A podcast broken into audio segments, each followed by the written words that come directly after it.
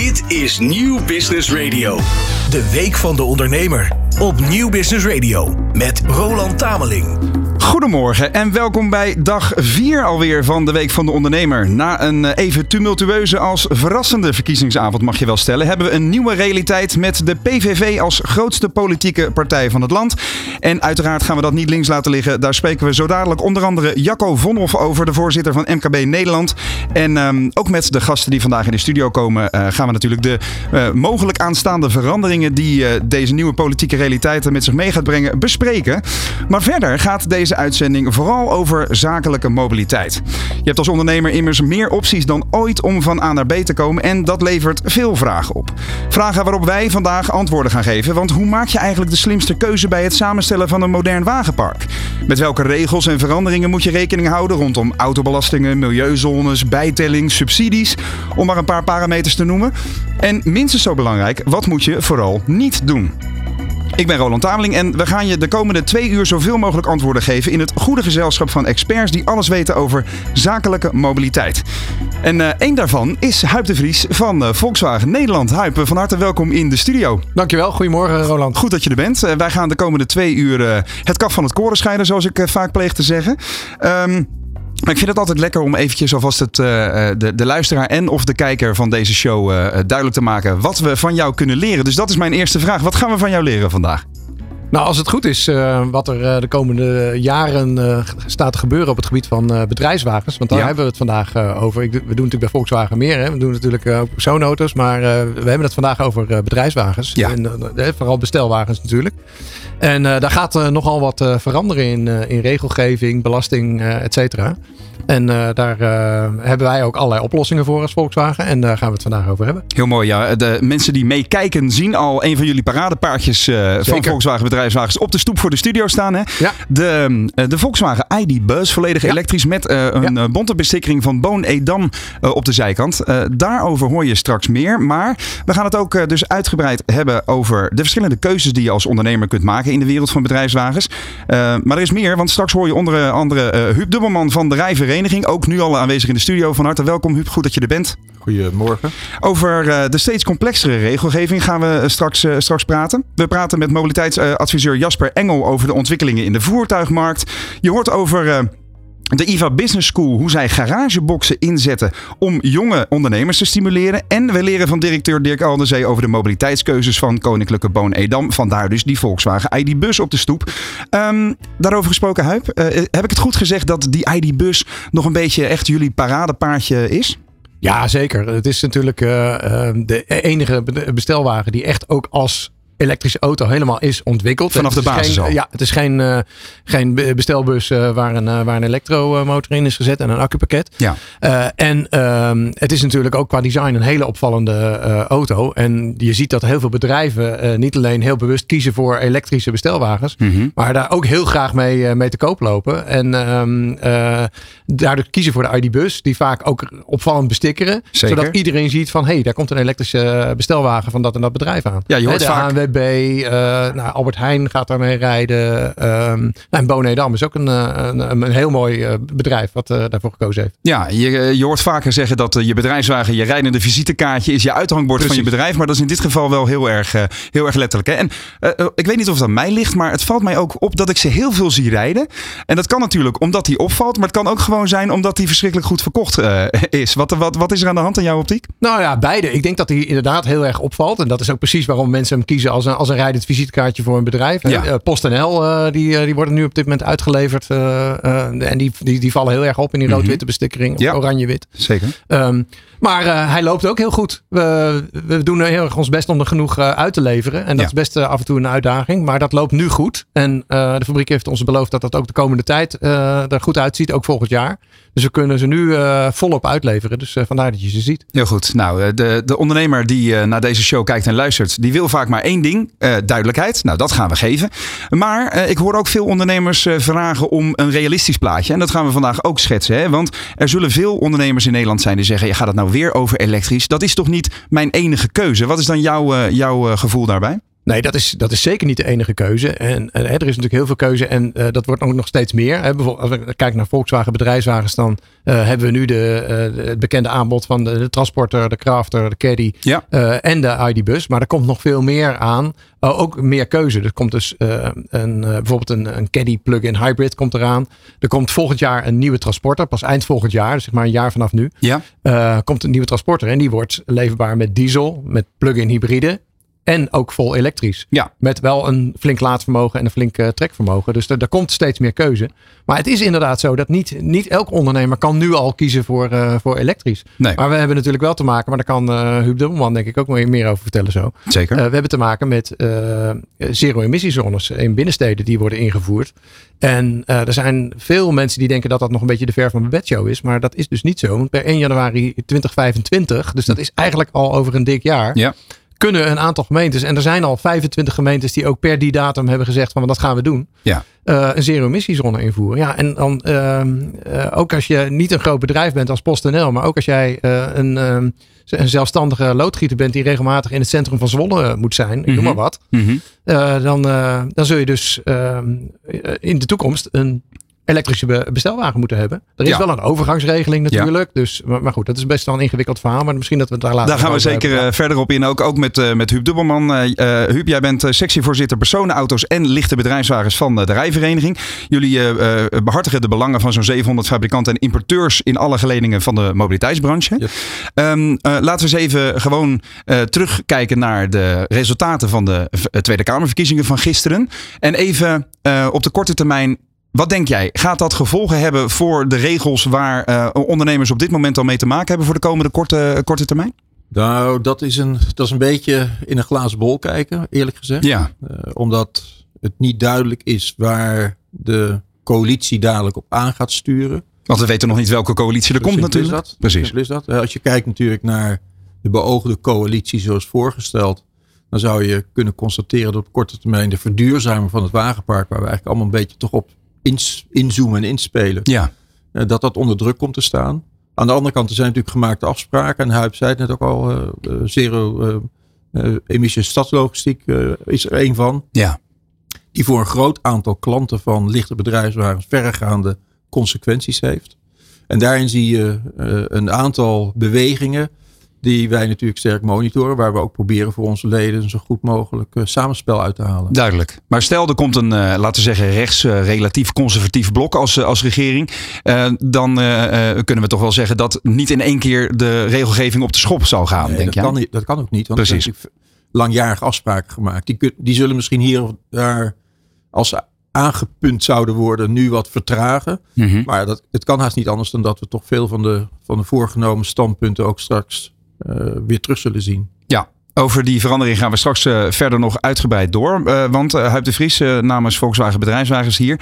Eh, wat mij opviel toen ik eh, ging rondneuzen op jullie site, vwbedrijfswagens.nl, dat het inderdaad bij lange na niet allemaal om die ID-bus draait die op de, op de stoep hier staat. Want eh, op het moment dat je de site opent, staat er heel prominent een hele grote, stoere, zwarte crafter. Ja, dat klopt. Dat is De Hero eh, Edition. Ja, dat Toch? klopt. Dat is de Hero Edition. Dat dat is Ja. een speciale editie die we net hebben uitgebracht. Dus Ja. die staat natuurlijk nu prominent eh, bovenaan. Ja, en eh, eh, maak ons eens lekker. Wat, wat, wat is daar zo bijzonder aan? het Afgezien is- van dat hij er het is- heel stoer uitziet. Ja, dat, nou, dat is vooral het, eh, wat er bijzonder aan Ja. is. Eh, hij, hij is vooral aangekleed op een hele stoere manier. Hij heeft een aantal eh, zwarte accenten, speciale zwarte velgen. Ja. En eh, het is gewoon een hele stoere uitvoering van de bestaande crafter. Ja, ik moest een beetje, eh, een beetje eh, E-team kreeg ik erbij. Zwart, door die rode rode, streep. rode Ja, accenten erin. gehoord, ja. ja, cool, eh, cool Maar het is wat nu heel veel mensen heel erg eh, leuk vinden. Wat heel veel ondernemers Ja. eh, aanspreekt. Ja, precies. Maar eh, inderdaad, op het moment dat je wat verder naar beneden gaat scrollen, zie je inderdaad de breedte van de keuze hè, bij jullie in de showrooms. Ja. Ehm, dat brengt mij bij de volgende vraag. Welke, welke vragen krijgen jullie nou, of de, de Volkswagen bedrijfswagen dealers in Nederland, eh, eh, van de bezoekers in de showrooms? Wat, wat speelt er nou bij jullie potentiële klanten of de klant, mensen die al klant zijn? Nou, dat is eigenlijk een beetje ook waar, eh, waar Huub het net eh, over had. Ja. Dat eh, de ondernemers hebben, het, hebben vooral behoefte aan duidelijkheid. En eh, je ziet dat er op dit moment best wel een gebrek aan, aan duidelijkheid is. Er speelt van alles. Er, er wordt gesproken over zero-emissiezones. Dat, nou, dat, dat is dan redelijk duidelijk wanneer het wordt ingevoerd. Maar ja. terwijl in een aantal steden, maar in een aantal, uh, op een aantal plekken is dat nog niet helemaal duidelijk. Um, uh, wegenbelasting, hoe zit het daarmee? Hè? Want er wordt wegenbelasting ingevoerd op personenauto's, ook voor elektrische auto's ja. die nu vrijstelling hebben. Ja. Um, hoe gaat dat er dan uitzien voor bestelwagens? Er is heel veel onduidelijkheid. En wij merken dus, natuurlijk, BPM heb je ook nog een... En het allerbelangrijkste onderwerp is inderdaad dat per 1 januari 25 BPM vrijstelling op lichte bedrijfswagens vervalt. Vervalt, ja. Dat betekent dat je gewoon over een dieselbus, noem ik hem maar even, uh, uh, gewoon een BPM gaat betalen. Waardoor die auto uh, soms 40% duurder ja. wordt. Ja. Dus dat is een enorme verandering.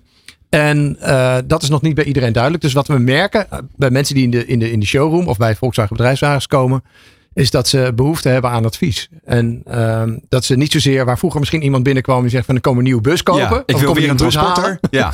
um, ja, doe maar die maar. Ja, precies. Ja. Uh, willen ze nu advies? Dat betekent ook dat, dat, dat, dat onze verkopers ook veel meer de rol van adviseur ja. hebben.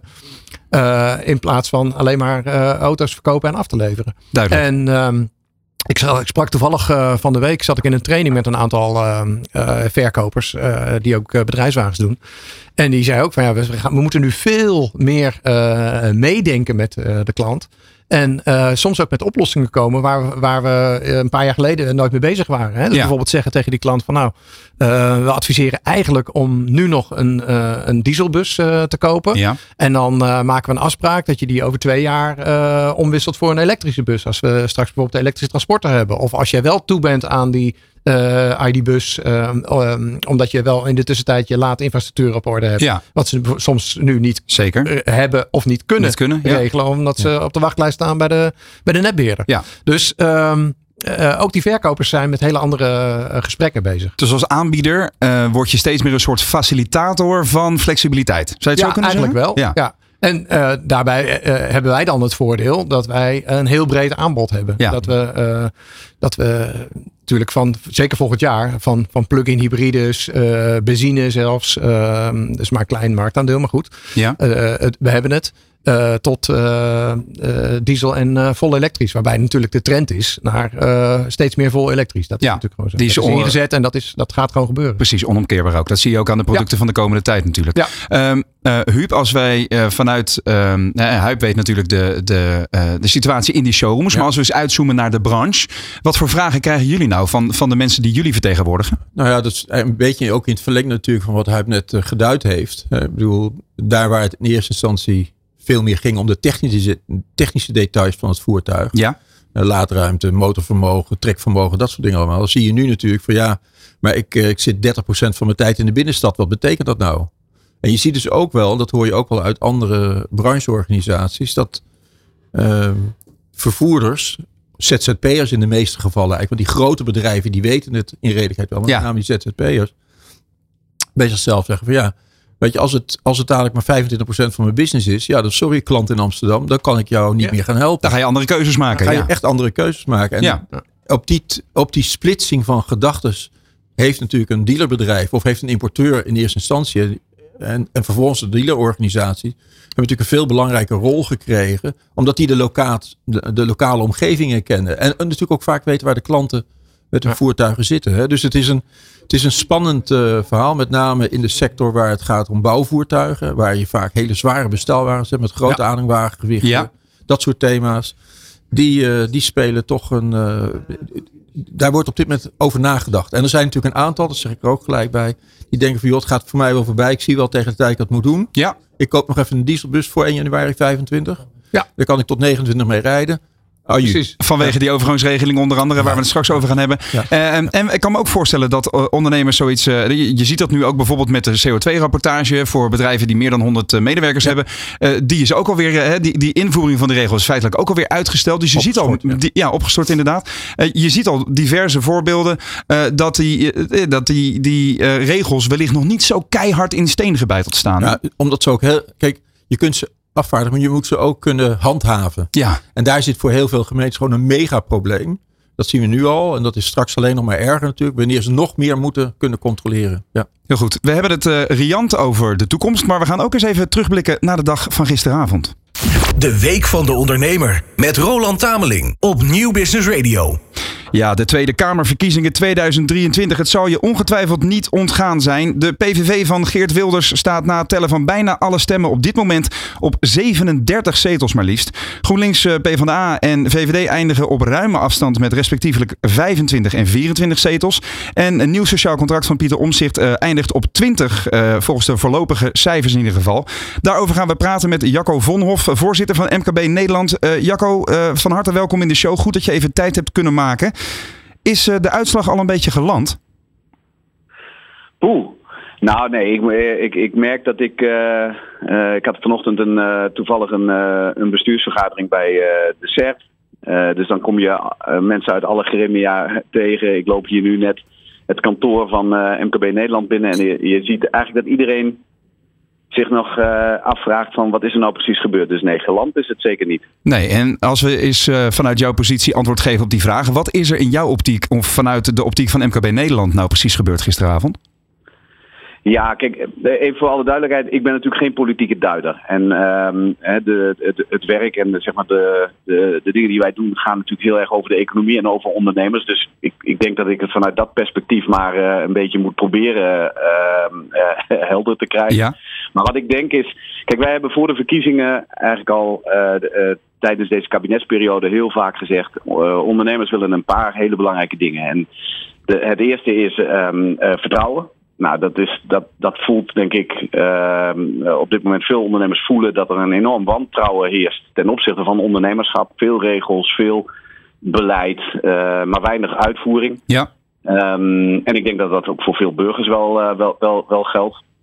En daarnaast willen ze natuurlijk heel graag dat dingen weer eenvoudig worden. Dat we ons weer gaan afvragen waarom deden we het ook alweer. Hè? Dus dat, nou, ik kom dan altijd met het voorbeeld dat als je meer wil werken, dat je dan ook meer moet overhouden. En dat bestaanszekerheid gaat over dat je als je hard werkt of je gaat aan het werk, dat je dan ook daadwerkelijk jezelf kunt verbeteren. Ja. Nou, eh, ik denk dat dat ook een van de dingen is die hier heel erg meespeelt. En de laatste is voorspelbaarheid. Dus ondernemers willen heel graag weten waar zijn we nou aan toe. Ja. En nou ja, dat is ook in de afgelopen periode, uh, nou ja, op zijn, op zijn zachtst gezegd, uh, niet duidelijk voor ondernemers. En als je die drie dingen optelt, uh, kan ik mij maar zo voorstellen dat uh, het, het signaal uh, is van jongens, alsjeblieft, hè, we hebben twee grote winnaars, dat is duidelijk. Ja. Um, maar ga zorg dat er een stabiele coalitie komt. Um, en zorg vooral ook dat um, het land weer bestuurd wordt. Maar dat met inachtneming van die eerste dingen die ik zei. Dat we ook nadenken over de economie. Hoe verdienen we ons geld in Nederland? Nou, en dat, ja, als dat, dat is een beetje mijn afdronk. En um, nou, ik, ik, ik, ik hoop ook en, en, en, en, uh, en, en roep ook op om vooral dat te doen. Hè. Dus niet weer, uh, ik weet niet hoe lang over elkaar heen buitelen. Mm -hmm. um, uh, met nog meer onzekerheid en onduidelijkheid tot gevolg. Ja. Daar, zit, daar zit in ieder geval ondernemers niet op te wachten. Het is de hoop dat er eh, constructief wordt opgesteld, zoals er al door diverse politici gisteravond uh, beloofd is. Hè? Uh, maar ja. als we eens even inzoomen op de verschillende uh, ja, partijprogramma's, beginnend dan bij de PVV. Wat wil die ja. partij nou eigenlijk met het MKB? Nou, de, weet je, als je het verkiezingsprogramma uh, doorleest, dan, dan lees je niet heel veel. Hè, de woorden economie en uh, bedrijfsleven. Ja. Uh, maar als je, de, als je even zoekt op welke richting kiezen ze, en dan, kies, dan zie je toch dat bijvoorbeeld dat verhaal wat ik net zei over um, dat werken moet lonen. Ja. Dat dingen weer overzichtelijk moeten worden en dat we natuurlijk zien dat er grote veranderingen op ons afkomen en dat we daar allemaal aan moeten bijdragen. Maar dat het tempo waarin we daarmee bezig gaan ook wel door de mensen moet, moet kunnen worden gevolgd. Hè? Dus dat, dat, um, hè, dat, dat men niet wordt overvraagd. En dat geldt natuurlijk ook heel sterk voor ondernemers. Um, ja, daar, daar staan wel onder, onderdelen in. Uh, als je kijkt naar uh, de opstelling van, uh, van de PVV, in ieder geval vanuit het verkiezingsprogramma, als het gaat om de rest van de wereld. Ja. Ja, daar kun je je wat zorgen maken over onze internationale positie en uh, nou, dat, en, en de gedachte dat heel veel ondernemers, zo'n 30% van onze welvaart halen we uit het buitenland, ja. uh, zich wel gaan afvragen van ja, wat betekent dit nou voor, um, uh, voor de economie als je kijkt naar um, Europa? Mhm. Iets waar wij een, een voorstander van zijn, omdat we zien dat dat grote blok Europa een hele belangrijke consumentenmarkt is, dat we nou, dat we daar als Nederland ook echt wel ons geld verdienen. Ja, daar maken we ons wel wat zorgen over. Ehm, maar goed, uh, ja, ik, ik, ik moet nog zien. Hè, het is mij nog niet helemaal duidelijk um, waar de PVV straks mee aan tafel gaat zitten. Um, hè, dat zullen ze ook altijd moeten doen met andere partijen. Dus ik neem ook aan dat dan dingen wat, uh, wat, wat duidelijker worden en dat ook de economie weer een belangrijke plek inneemt. Precies. Kijk, als het gaat, als het gaat om, om andere onderwerpen die minstens zo belangrijk zijn en voorwaarden scheppend, zoals bijvoorbeeld wonen. Ja, laten we nou alsjeblieft gaan bouwen. Mm -hmm. uh, um, bestaanszekerheid heb ik net al even gezegd. Laten we ervoor zorgen dat mensen die zichzelf willen verbeteren dat ook kunnen. Um, en als het gaat om zorg, uh, uh, dat, dat we ook zorgen dat die zorg voor mensen toegankelijk is, maar ook betaalbaar blijft. Ja, ik denk dat dat wel um, onderwerpen zijn waar wij ons ook wel in kunnen vinden. Duidelijk. Wat staat jullie nu als MKB in Nederland als eerste stap te doen, wat jou betreft? Nou, kijk, uh, wij zijn van de invloed. We hebben natuurlijk voor de verkiezingen geprobeerd om uh, bij zoveel mogelijk politieke partijen onze punten aan te brengen. Dat, dat is goed gelukt. Nu komen er natuurlijk, de, komt de coalitievorming en is het heel belangrijk dat we met name dat echte ondernemersgeluid, dat midden- en kleinbedrijf, dat we dat ook in die formatie uh, op tafel krijgen en dat men daar de goede keuzes maakt. En uh, dus het is aan ons nu om die politieke partijen die met elkaar aan tafel gaan, uh, er ook op te wijzen hoe ondernemerschap nou eigenlijk echt werkt en waar we belang bij hebben. Dus dat zullen we de aankomende periode gaan doen. En voor de rest, ja, dat is natuurlijk ook het, het, mooie van, van de democratie. De macht ligt bij de politiek, bij die 150 Kamerleden en een nieuw kabinet. Ja. En wij zijn van invloed en proberen om duidelijk te maken dat die economie een hele belangrijke voorwaarde is om al die andere belangrijke dingen in Nederland te doen. Goeie zaak. Nou, dat zullen we, dat zullen we de aankomende tijd, denk ik, uh, tot uh, vervelends toe gaan herhalen. De vinger aan de pols houden dus. Uh, Jacob Vonhoff, succes daarmee of misschien wel sterkte in Den Haag de komende tijd. meer over de Tweede Kamerverkiezingen vind je natuurlijk ook op onze website. Daar hebben we onder andere ook de plannen van de PVV onder andere al voor je geduid. Dit is de Week van de Ondernemer. De Week van de Ondernemer inderdaad. En de afgelopen dagen hebben we al herhaaldelijk kunnen vaststellen dat veel ondernemers last hebben van, daar is die weer, regeldruk. En ook rondom zakelijke mobiliteit, dus het mobiel houden van je bedrijf en je medewerkers, lijkt het soms wel een eindeloze brei van regeltjes, wetten, beperkingen en veranderingen. Om die duidelijkheid te scheppen gaan we de belangrijkste daarvan bespreken en je uitleggen hoe, goed je, daar zo goed mogelijk, hoe je daar zo goed mogelijk op kunt inspelen. En dat doe ik wederom met Huip de Vries van Volkswagen Bedrijfswagens, maar ook met Huub Dubbelman, de sectievoorzitter van personenauto's en lichte bedrijfswagens van de Rijvereniging. Mooi dat jullie er allebei zijn, heren. Um, jullie weten als geen ander wat er speelt in, uh, in deze branche en wat er gaat veranderen de komende tijd. Um, het lijkt mij in het kader van de overzichtelijkheid fijn om het even stapsgewijs de veranderende regels uh, te behandelen met jullie. Om te beginnen met die rapportageplicht uh, voor CO2. Hè. Bedrijven met meer dan 100 medewerkers worden verplicht om vanaf januari 2024 hun uh, CO2-uitstoot te rapporteren. Die wordt veroorzaakt door zogenoemde werkgebonden personenmobiliteit. Oftewel zakelijke ritten en woon-werkverkeer. maar we hebben het net al even besproken. Die, de invoering van, van die regel is al een keer opgeschort. Wat is jullie advies? Huub. Ja, er zit natuurlijk een hoge politieke druk op op dit thema. Uh, ik bedoel, je merkt dat vanuit het bedrijfsleven er een uh, terughoudend op gereageerd wordt. Uh, dat is ook vanzelfsprekend. het is wat Vonhoff net ook zei. Ja. Regeldruk maxi maximaliseren. de vraag is of het zeker in de huidige condities ook gehaald wordt. Mm -hmm. Het kan ook opnieuw opgeschort worden. Omdat, het, omdat er nog een aantal dingen omheen zwerven die nog onduidelijkheden geven. Um, ik, ik weet niet of het het haalt. Oké. Okay. Laten we het daar maar op houden. Ik bedoel, het, het kan natuurlijk wel. Het kan zijn dat het om welke goede reden toch nog wordt ingevoerd. Maar zeker niet uh, per 1 januari komende.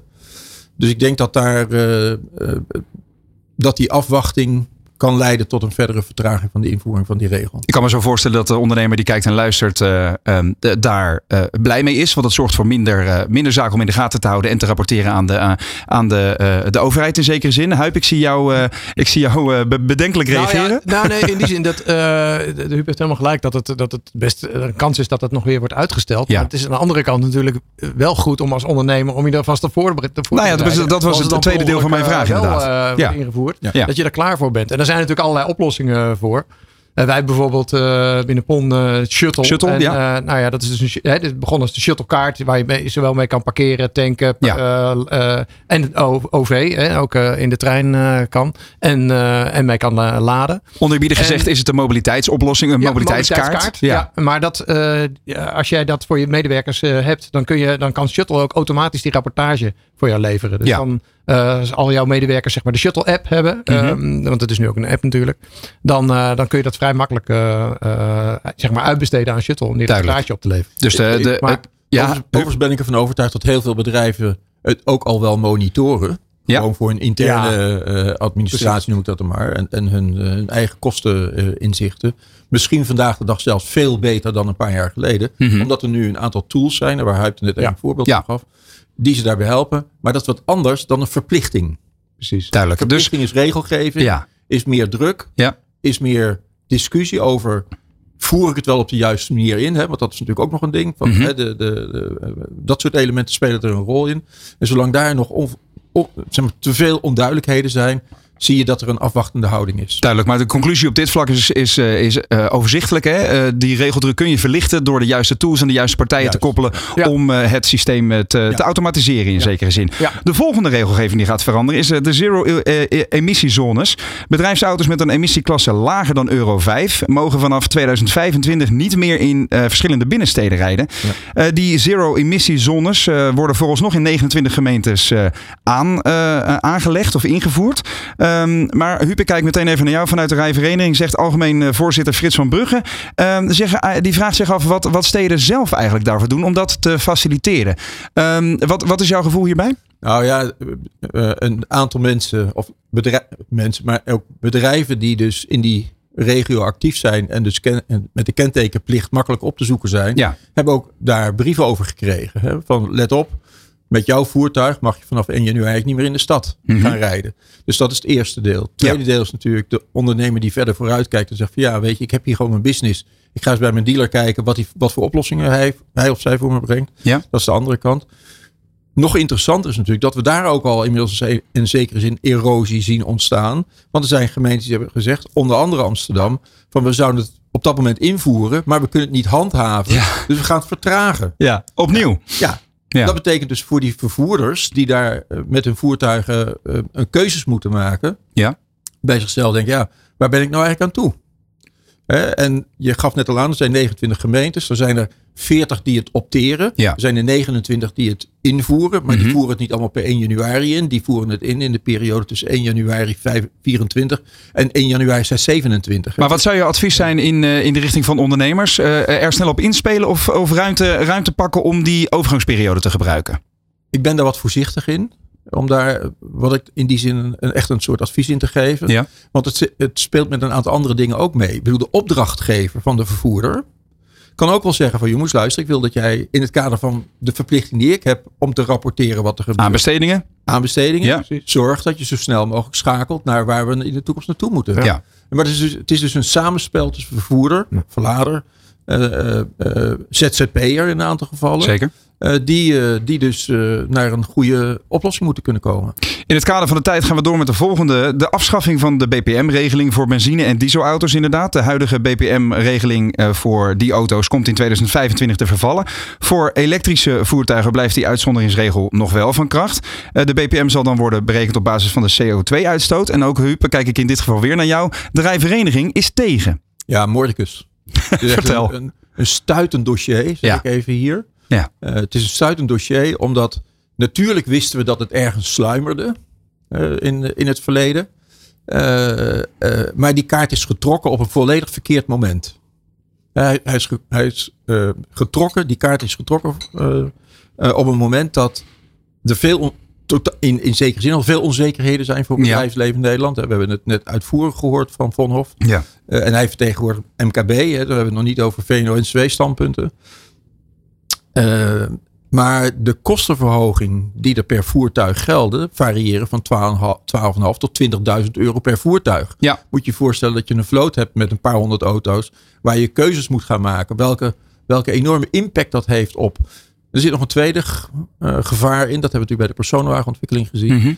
En dat is dat de ondernemer dan sneller gaat kiezen voor het uh, aankopen van een gebruikte bedrijfswagen uit Ja. het buitenland. Ja. Waarbij wij tegen de overheid zeggen, nou fijn mis je in ieder geval die BPM-inkomsten. Maar de verdere verduurzaming kun je ook vaarwel zeggen. Want we gaan nog verder achteruit dan dat we op dit moment al eh, zien. Ja, eh Huip, over die impact gesproken. Wat, eh, wat zien jullie in de, in de Volkswagen bedrijfswagen showrooms? Nou ja, de, de, wat wij zien aankomen is dat, eh, dat eh, 2024 een, eh, een, een heel eh, een mega groot ja, eh, bedrijfswagenjaar wordt. Ja. Omdat er gewoon heel veel mensen zeggen van nou, dan ga ik nog snel volgend jaar eh, die, eh, die auto kopen. Ja, op een moment met een geen- brandstofmotor.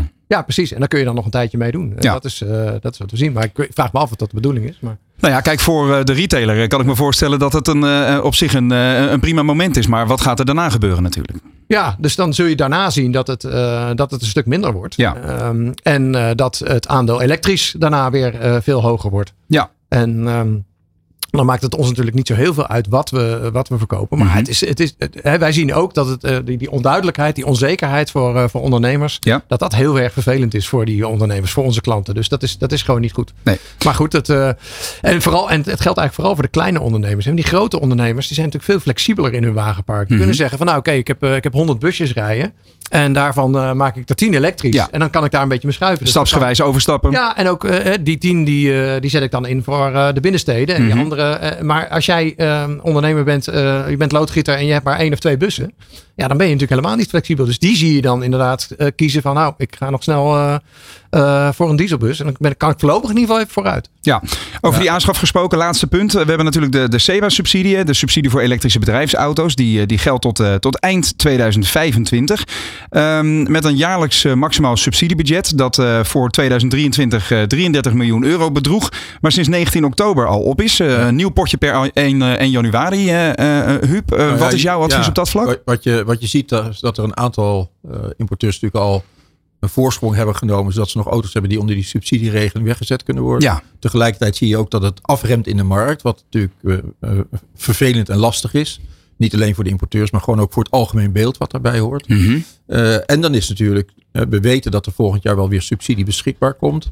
Maar we, maar we moeten eens even kijken wat dat nou in het kader van de eh, ontwikkelingen van gisteren gaat betekenen voor de periode 26-30. ja, is er al iets zinnigs over te zeggen? Nauwelijks. Nou, Nee. Ja. Eh, Het is net wat eh Huip duidde. Eh, we verwachten eigenlijk in 2024 een, een maximale afzet van bestelwagens. Ja. even een beeld te schetsen. Ja. Normaal doet Nederland ongeveer 60.000 bestelwagens op jaarbasis. Prognoses voor volgend jaar liggen er ver, ver, ver boven. En dat betekent dat de investeringsbereidheid van ondernemers in nieuwe producten wel zeker is. Maar Mhm. de onzekerheid vertalen zij in, de marktonzekerheid vertalen zij in aankoop van nog snel even diesels. in voorzichtigheid zou je kunnen zeggen. Uiteindelijk. Ja, Ja. heel duidelijk. Eh, dankjewel uh, Huub. Eh, we spreken je straks nog, eh, nog even verder eh, vanuit de rijvereniging. Ehm, want eh, de regeltjes eh, zijn één eh, eh, kant van het verhaal. Maar de praktijk is iets anders.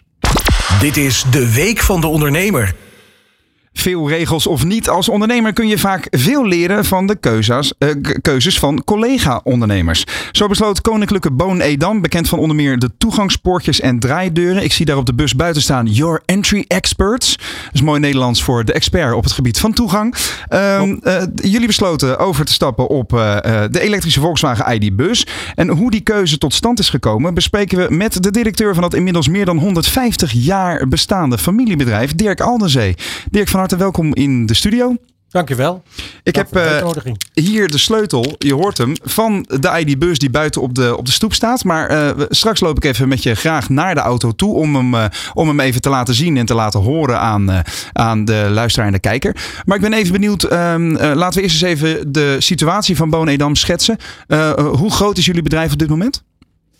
Eh, wereldwijd eh, werken er ongeveer 1300 mensen bij ons bedrijf. Ja. En dat betekent dat wij zitten van Australië tot Nederland. En eh, van eh, eh, Hongkong tot Amerika. Hè? Dus eh, kijk maar welke kant je op wil reizen. En, Ja.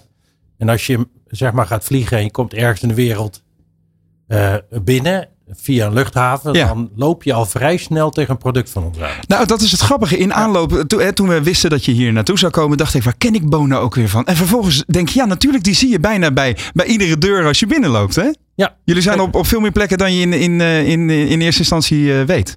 Ja, we staan echt overal. En als je eenmaal met ons gesproken hebt, gaat het ook zien. Ja. Eh, de- ja. Nou, bedankt, bedankt voor die verandering in Ja. ons leven al.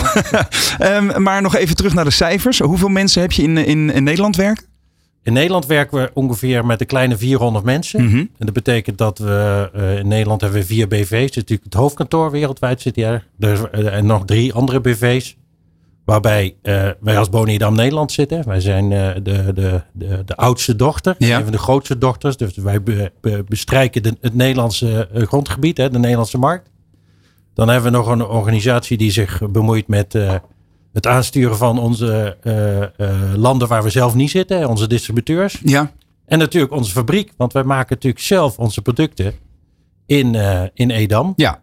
Ook in Amerika en ook in China. En maar in Edam worden de deuren, onze producten gemaakt voor de EMEA-markt. hè, Dus Euro- Europa, Midden-Oosten en Afrika. En nou, precies, ja. En, en ho- hoeveel mensen, laat ik het zo even zeggen, moet je mobiel houden, zeg maar, vanuit Bonedam in Nederland? Dus hoe ziet jullie wagenpark eruit? Ehm, als je kijkt naar eh, bedrijfsbussen, dan hebben we kleine 50 eh, eh, bussen rondrijden in Nederland. Oké, en wat, wat voor, hoe, hoe ziet de verdeling er nu nog uit? Qua brandstof, elektrisch? Op twee na alles diesel. Oké, oké. Kun je uitleggen wat jullie overwegingen zijn dan in jullie mobiliteitsbeleid? Hoe pak je dat aan? En, en wat, wat is de strategie voor de komende jaren bijvoorbeeld? Nou, we hebben eigenlijk al best lang geleden gezegd, wij gaan naar elektrisch als het kan. Ja, eigenlijk zo snel mogelijk. Ehm, en dus wij praten al best lang met eh, de, de fabrikanten, in dit geval eh, Volkswagen, Ja. dat is onze huisleverancier, Mhm. over wanneer kan het. En eh, op het moment dat de ID-bus kwam, werden wij gebeld, hij komt, dus kom kijken. Omdat wij helemaal berekend hebben met welke actieradius komen, komen wij weg. Hè? Mhm. Wij, wer- wij werken door het hele land. ja. Dus we hadden helemaal uitgerekend hoe, wanneer kan het wel. Ehm, nou ja, en eh, toen de actieradius zeg maar meer dan 100 kilometer werd, want dat was de voorganger. Ja. Toen eh, zijn we eigenlijk heel snel eh, gaan bestellen. Ja, maar dan is met alle respect twee auto's nog een relatief voorzichtige overstap.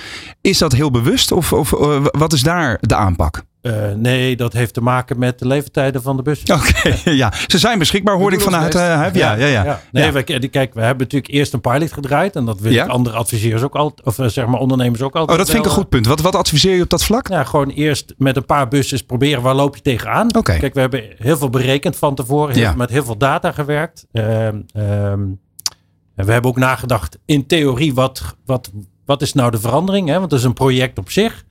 En bij het project op zich met de verandering hoor je altijd het geluid van ja, maar dat gaat niet, dat, kan Mhm. dat willen we niet. Ja.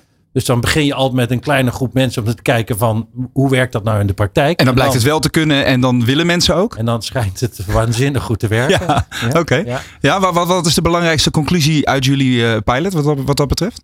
Nou, dat alle eh, eh, problemen die vooraf op tafel werden gegooid in, het, in de praktijk eigenlijk niet voorkomen. Oké. In ons geval moet ik er natuurlijk bij zeggen. Hè? Dus, Mhm. eh, eh, en de, de monteurs bij ons die daar nu mee rijden, die zijn uitermate tevreden met wat ze nu hebben. Heel goed. Daar denken ze bij ons ook over mee. Hè? Dus het is echt niet een directiebesluit, zoiets. Hè? Wel zeg maar dat we willen gaan elektrificeren, maar niet van hoe, wanneer en wat. Dat, Ja. dat, dat doen we echt in gezamenlijkheid omdat dat onze cultuur is. En ik vind zelf persoonlijk dat dat ook het beste werkt. Ja.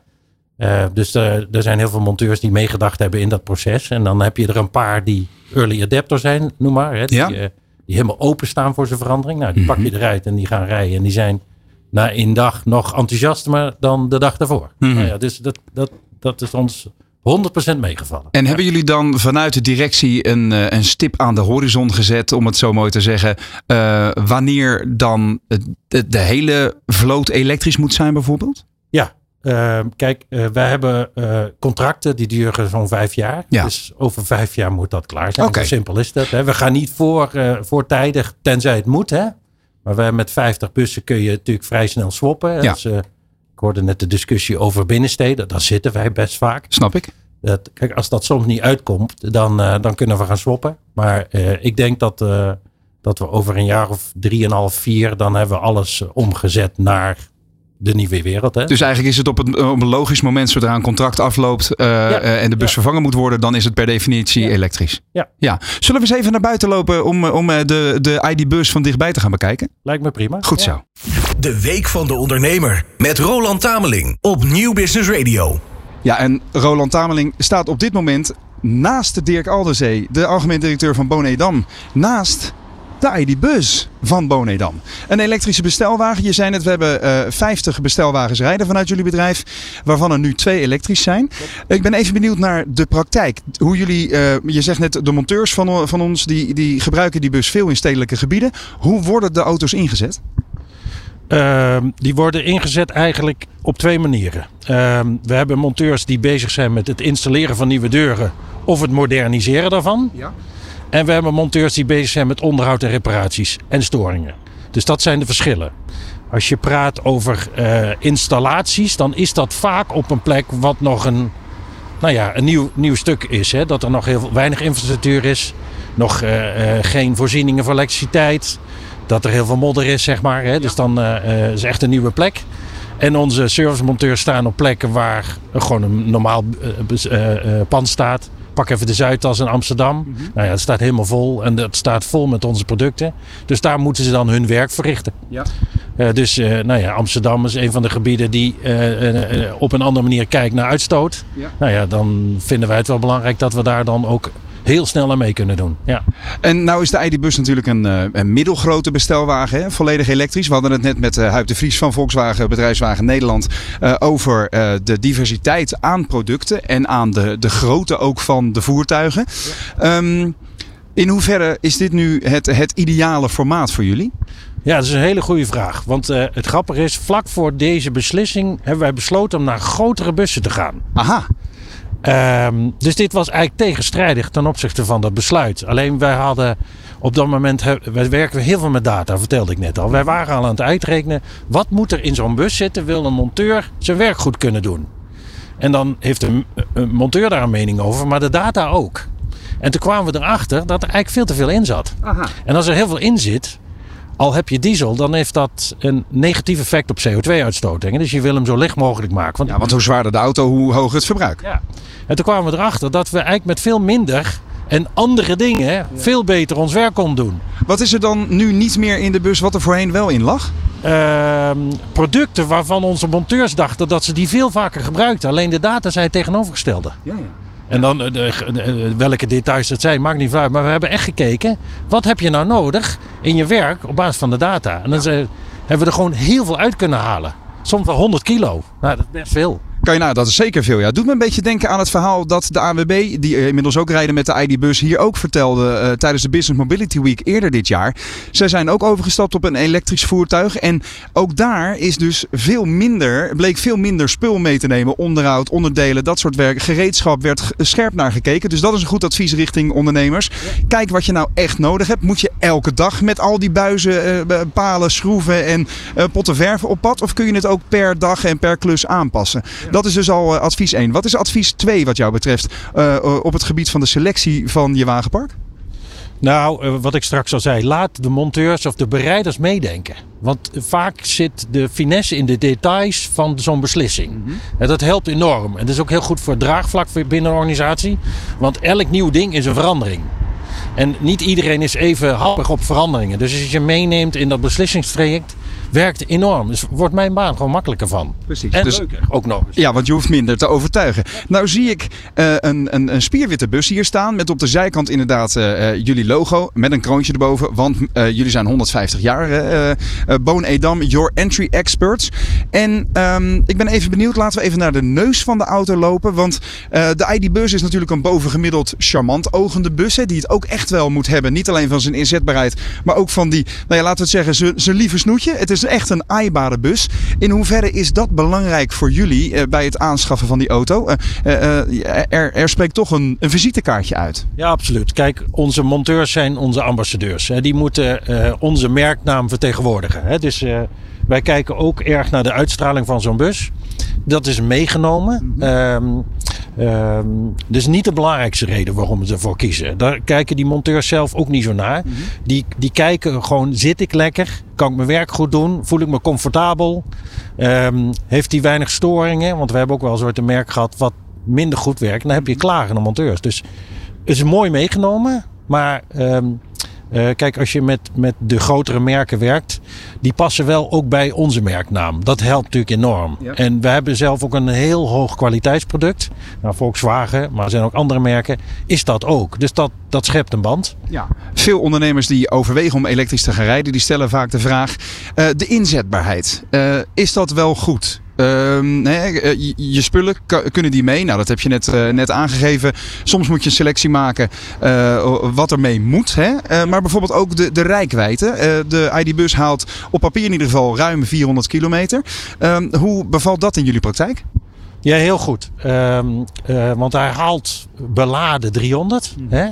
En dat is voldoende, hadden we van tevoren ook berekend. En we hebben een paar situaties gezien waar dat zou kunnen gebeuren dat we dat niet halen. Maar daarvan hebben we gezegd, hoe erg is het? En dan neem ik even een heel concreet voorbeeld.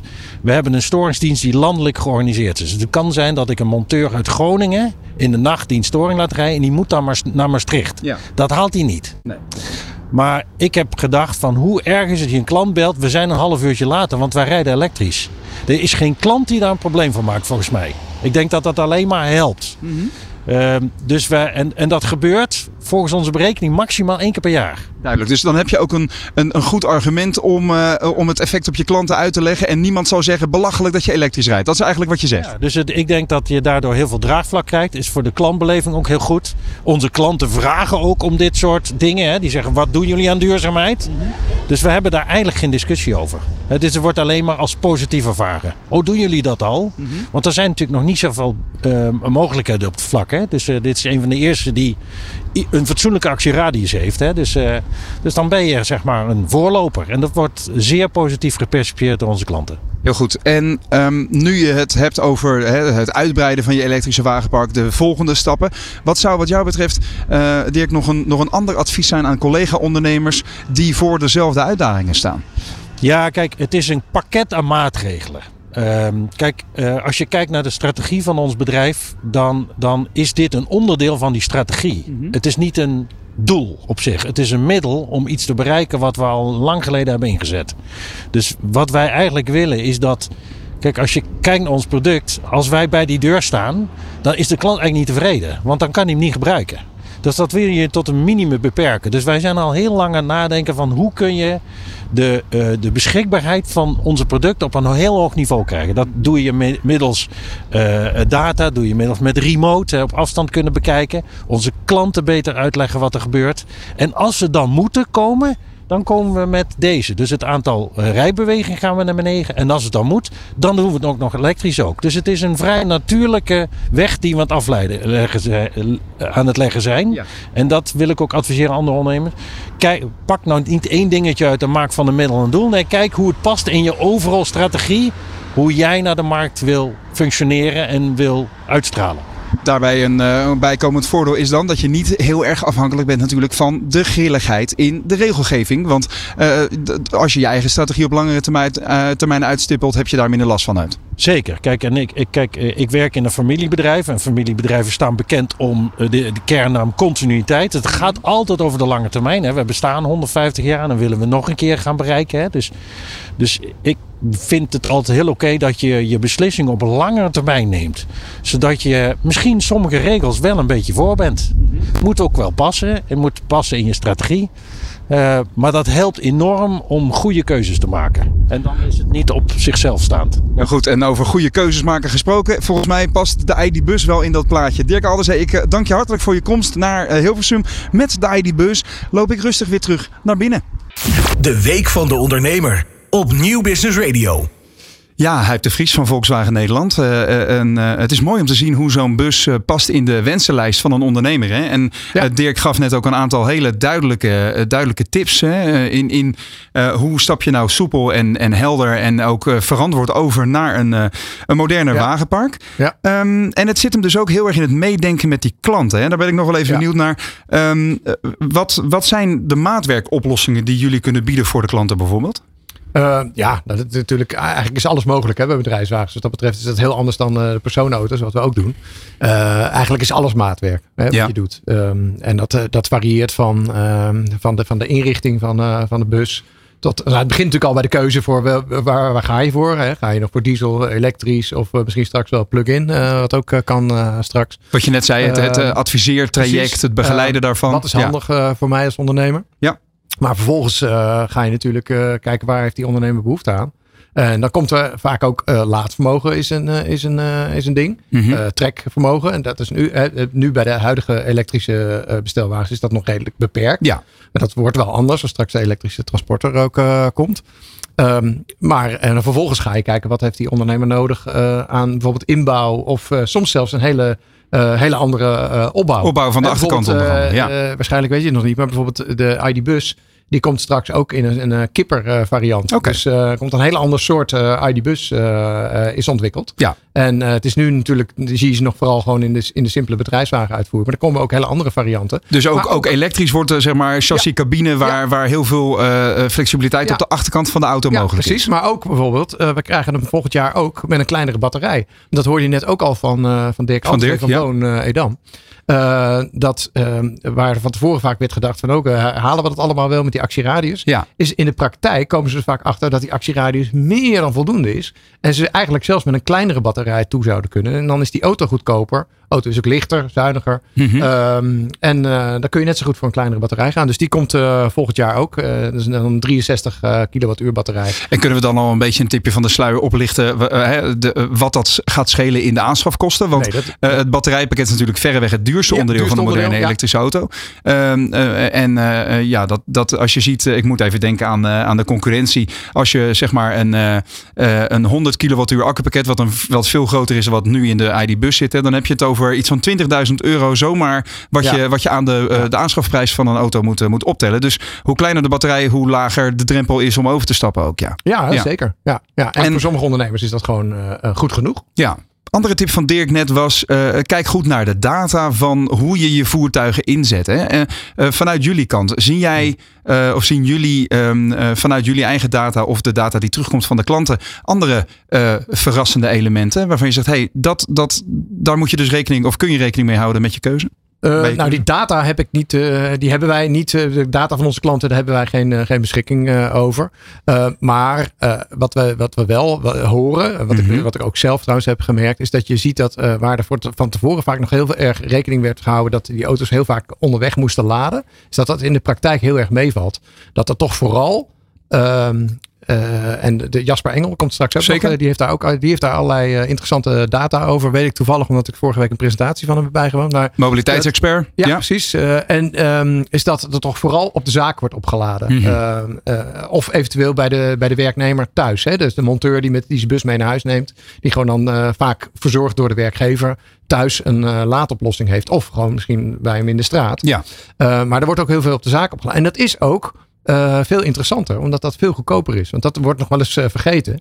Dat als jij uh, langs de snelweg oh ja. gaat uh, laden. Het dat snel laden? ja, dat kan zomaar tegenwoordig 80 cent per kilowattuur kosten. Ja. Terwijl jij, als jij thuis laat, is het maar, nou, laten we zeggen 20 cent. Maar op de zaak, als jij een zaak hebt met een... met een industriële grote, aansluiting? precies, met een industriële ja. aansluiting heb je hoger vastrecht. Maar goed, dat heb je toch al. Dan betaal je misschien maar 11 of 12 cent. Ja. En dat, uh, dat scheelt dus enorm in de laadkosten. Dus dat zie je wel dat er gewoon dat, dat, dat, dat issue van onderweg laden, dat dat in de praktijk heel erg, te, heel erg meevalt. Ja, mooi. Uh, er is uh, genoeg om straks in de tweede uur nog over, over door te gaan. Um, en als je het hebt over, over maatwerk en, en die service. Hè? Ik, ik, las bij jullie op de site dat er wordt gesproken over de altijd door service. Ja. Wat houdt dat in? Nou, dat is, dat, is, dat is het label van Volkswagen Bedrijfswagens voor eigenlijk 24-7 service. 24-7 bereikbaarheid en hele flexibele openingstijden en bereikbaarheid van, van werkplaatsen. Want dat, wat dat betreft is uh, bedrijfswagens is toch wel een, een heel ander spel dan uh, personenauto's. Uh, je moet, uh, kijk, het gaat voor een, uh, voor een ondernemer is het gewoon, is het gewoon een tool. Ja. En zonder die tool kan hij zijn geld niet verdienen. Dus die tool moet altijd beschikbaar zijn. Of, en als dat niet zo is een keer, dan moet je daar meteen een andere oplossing voor hebben.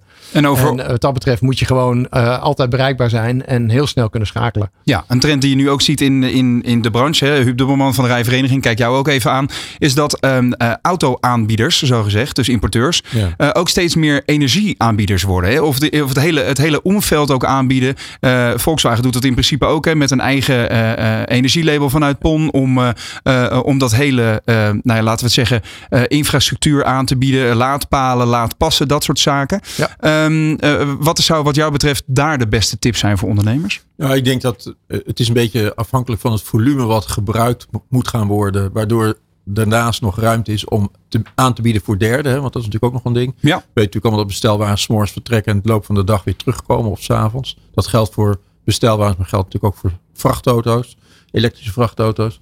Maar juist omdat je dan een combinatie hebt waarbij je zegt van ik bouw gewoon een eigen energiecentrale op. Mm kan het voor een aantal bedrijven aantrekkelijk zijn om daar een verdienmodel eh, voor te maken. Je moet je wel realiseren dat veel bedrijven natuurlijk in een gesloten omgeving werken.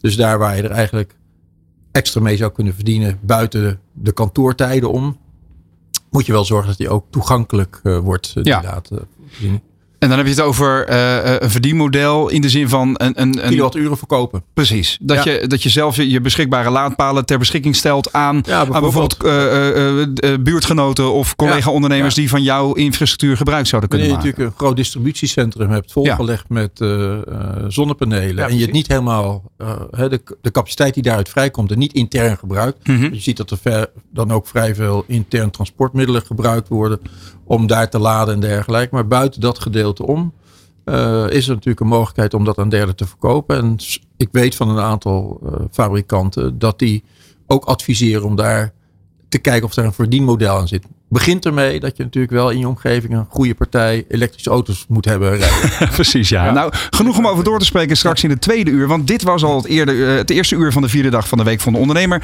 2023. Straks in het volgende uur gaan we nog dieper in op de mogelijkheden van Volkswagen bedrijfswagens.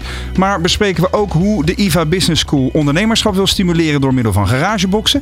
Schijnt mobiliteitsexpert Jasper Engel inderdaad zijn licht op alternatieve vervoersmiddelen. En legt evenementenorganisator Maarten Pompen uit waarom het ook voor ondernemers interessant kan zijn om komend weekend een bezoek te brengen aan de RAI in Amsterdam. Tot zo! De Week van de Ondernemer met Roland Tameling op Nieuw Business Radio.